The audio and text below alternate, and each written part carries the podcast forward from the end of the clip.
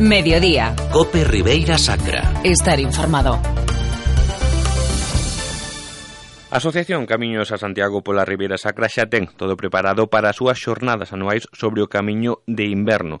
Neste ano, pois, estará dedicado a dous municipios da Ribeira Sacra como son o Sabiñao e Pantón.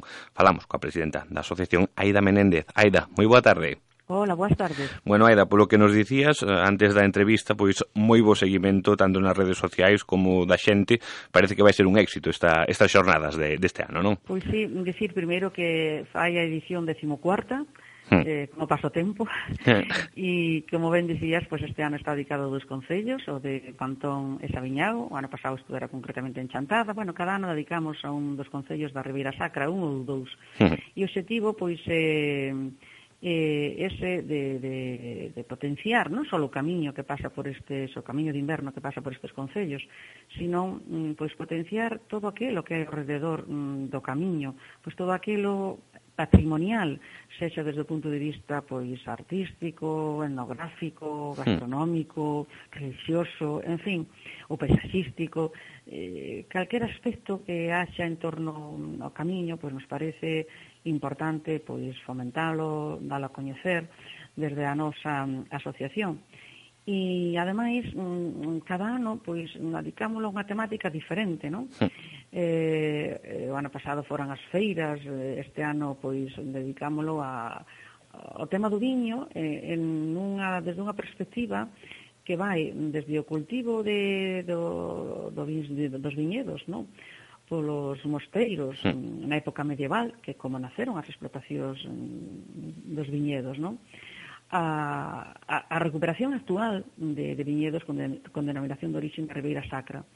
E un exemplo pois de desto pois temos eh, en San Esteban da Tan, que agora só se conserva a iglesia, pero foi un mosteiro onde bueno, pois se dedicaba tamén á explotación de viñedos aí na Ribeira do Niño. Sí.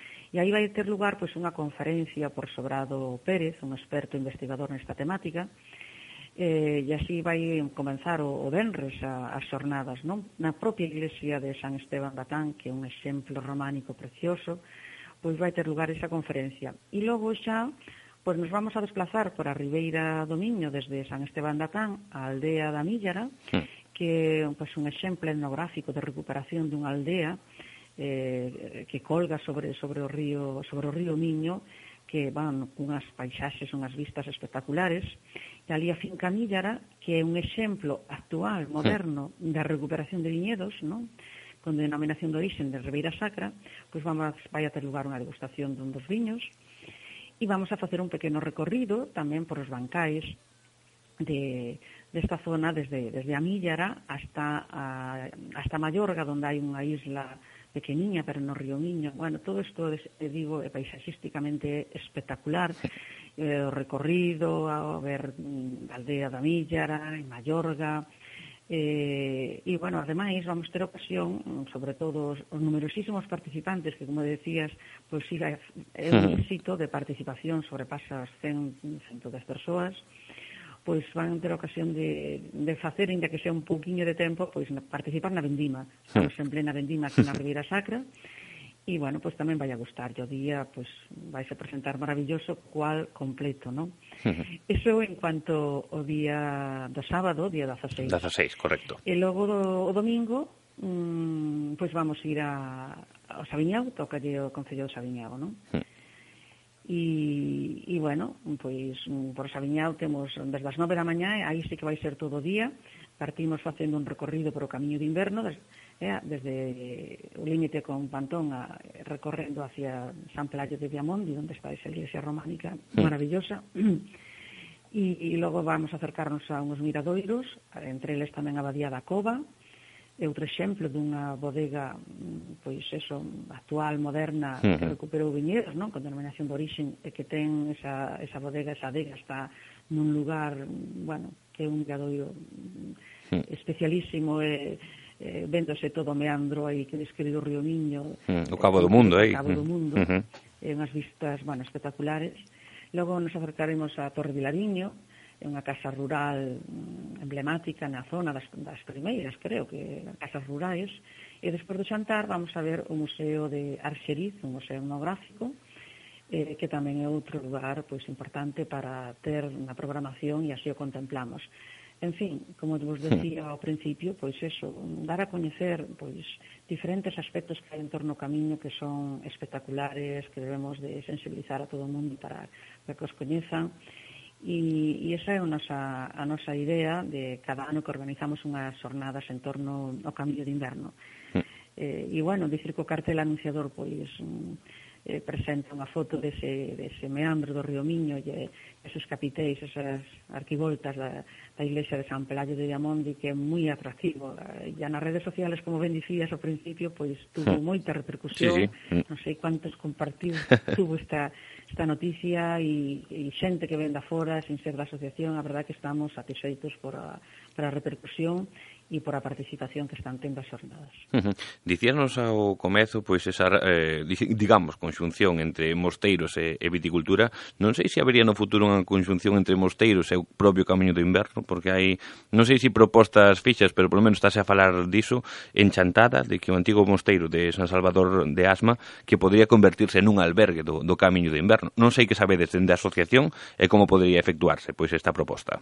Pois sí, eu leino tamén na prensa mm. e parece que dicen por aí que cando o río sona... Auga leva. Leva, ¿no? Pois mm, eu espero que sexa ese proxecto que se convirta en realidade, non? Sería unha idea fantástica, verdad? Darlle unha utilización pois a un edificio histórico mm, e ademais situado a pé do camiño, mm, sería fantástico pois esta utilización, non? Como albergue hmm. eh, de peregrinos. Eh, entonces parece, insisto, según notas de prensa, porque non teño outro contacto, hmm. sí. pois mm, parece que vai por a boa liña de xente interesada e con este funcións, non? Hmm. Así que únicamente desexar que se convirta nunha realidade quanto cuanto máis pronto, pois, mellor, non? Hmm. Falabades, eh, por suposto, na asociación, pois en outras ocasións que tivemos a, a ocasión de, de conversar, de que quizás é o que faltaba aquí no, no camiño de inverno, porque vos a divulgación claro. está de la facendo, pero quizás é os albergues, é dicir, sitios, para que durman os peregrinos é un pouco que falta para darlle ese, ese pulo ao camiño, non? Claro, claro, realmente que é fundamental. Hmm, claro. É que, hombre, é verdade que hai peregrinos que isto non lles dá para atrás, o, a carencia de albergues, porque, hmm. bueno, é verdade que hai aloxamentos moi baratos, hmm. pero mm, non se trata de aloxamento, o, o peregrino, peregrino que lle guste o ambiente do albergue. Claro. E, e entonces, isto hai que ofrecelo, están todos os camiños de Santiago, non? Mm eh, así que pois hai pescadilla que se morde a cola vendrían máis peregrinos eh, subes albergues. Mm, sin albergues non veñen peregrinos. Hmm. Entonces claro veñen máis a cuenta gotas non? Entonces é fundamental. Hmm. A iniciativa privada por suposto ten que implicarse pero as institucións mm, pois son as que teñen que primeiro dar o primeiro paso. Hmm. E desde os concellos pois teñen que apostar eu penso que aí é algo que arrastraría despois a iniciativa privada, non? Mm, un pequeno albergue das institucións non necesita moitas camas, pois sería pois, un empuxe nestes inicios, non? E, por suposto, desde a Xunta esperamos que tamén algún albergue se cree.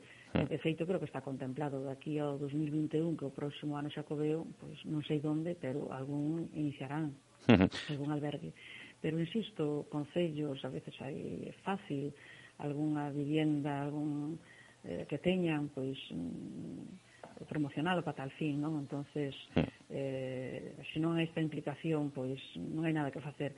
Eh, ya as asociacións, pois, eh, estuvemos aí loitando por a difusión, por lograr oficialidade, no que estaba nas nosas mans, claro. pero mm, isto xa se nos escapa, non? Claro. Hm. Eh, nós estaríamos dispostos, desde calquer concello, pois, levar a xestión, como fan en moitos puntos, non? Que a hm. veces son albergues que que, mm, que organizan, que, eh, que acondicionan os concellos e logo fan cesión a, a xestión a asociacións de, de, de xacobeas, non? Hmm. Isto, vamos, pasa en todos os camiños tamén. Pois eso tamén sería unha, unha posibilidade, non? Pero vamos, a asociación en sí mm, non ten capacidade para crear un albergue, non? non Uh -huh. Hai medios financeiros claro. que non pode chegar. Uh -huh. Eso ten que ser un concello, non? Uh -huh. Así que, bueno, pois pues esa noticia de chantada sería fantástica, incluso se se, se, se fai o concello con ese edificio, pois pues moito bueno, digo, moito millor, en fin, eh, pero das perspectivas está ben. Mm. Así que adiante e animos a que vayan para adiante. Xa que nomeábamos a Xunta de Galicia, coñecíamos hai uns días os datos de precisamente de turismo de Galicia, o Camiño do Inverno do total de peregrinos que, que veñen a Galicia polas distintas rutas do Camiño de Santiago supón soamente un 0,7%. Non sei se si nun ano de oficialidade que leva o Camiño son os datos vos para ir construindo ou son os datos negativos, non sei como valorades. Mm, bueno, mm, hombre, visto así, mínimo, non? non claro. Duda, eso está claro, eso está claro claro. Pero o que nos, máis que datos estadísticos, mm, o que é palpable, non o que vemos aquí, porque os números, pa, así nunha globalidade, os camiños que levan consolidados pois moitos anos, claro. 30 anos incluso, non? Eh, incluso o propio camiño francés había que lle preguntar naqueles inicios, nos 80, que, que cantidad de presidentes. Canto sabería, sí. Algo similar, non? Mm. E o camiño primitivo, que agora está collendo tanto auxe, pois pues, pasáballe como o noso camiño, mm. non? en fin, todos os inicios de calquer cousa son complicados, son lentos. Hmm. Mm. Tú armas máis expectativas, eh, pero as cousas hai que ir deixándoas que maduren, que se vayan fraguando, que vayan consolidándose. Leva o seu tempo, eso está claro, non? Mm. Entonces, decía, eu os números un paso deles, o que observo e o que constato cando vou por os pueblos non xa só en Monforte, porque en Monforte os peregrinos pasan máis diluídos, é máis grande, mm. e non nos ves tan um, a veces en un sitio, outro noutro, e, e non percibes eso tanto. Pero nos pueblecitos que obligado pasan, e falas cos vecinos, e che dicen que o goteo constante. Mm. Isto non ocurría antes. Mm. E ademais no día, pois pues, pasa, oi, agora pasan dous, agora pasan catro, agora pasan tres. Sí, sí. bueno, pasaron un día cinco, outro día pasaron dez. Pero eso non ocurría. Mm. Esa constancia. E no verano, máis. E sobre todo moitos, despois había grupos numerosos, non? Que a veces os grupos organizan, pois, as camiñatas... Eh, pois en distintos fines de semana ou en a mm. facer o, mm-hmm. ao longo do ano pois recorren todo o camiño en tres ou cuatro veces. En fin, insisto, isto non se percibía. Mm. Entonces, eso é, pois, eh, nos dá mm, fe de que isto se está incrementando. E mm. habrá que esperar pouquinho a pouco, como decíamos, que axuden os albergues, e, e non me cabe dúda que, que se convertirá pois unha eh, que vai vir moita xente porque vai ser unha alternativa fantástica á masificación que está sofrendo o camiño francés na entrada en Galicia. Mm. Sí. Además, así a deben de ver as institucións. Hai que dar pois outra opción hai numerosos peregrinos que realizaron o camiño francés pois moitas veces porque o camiño engancha. E entonces esta entrada en Galicia que a veces non teñen aloxamento nos, nos albergues non, do camiño francés mm. pois é unha alternativa que se fomente isto como sabes, ven desde Ponferrada e en vez de seguir hacia, hacia Cebreiro pois vir por o río Sil, vir por esta zona E é outra oportunidade de dar tamén a conocer outra ruta e, ao mesmo tempo, desconxestionar, como decía, esa masificación que sufre o camiño francés, sobre todo nas épocas de verano e Semana Santa. Uh -huh. Pois Aida Menéndez, presidenta da Asociación Camiños a Santiago pola Ribeira Sacra, graciñas, como sempre, por atenderlos aquí en COPE e a seguir traballando. Gracias. Mediodía. COPE Ribeira Sacra. Estar informado.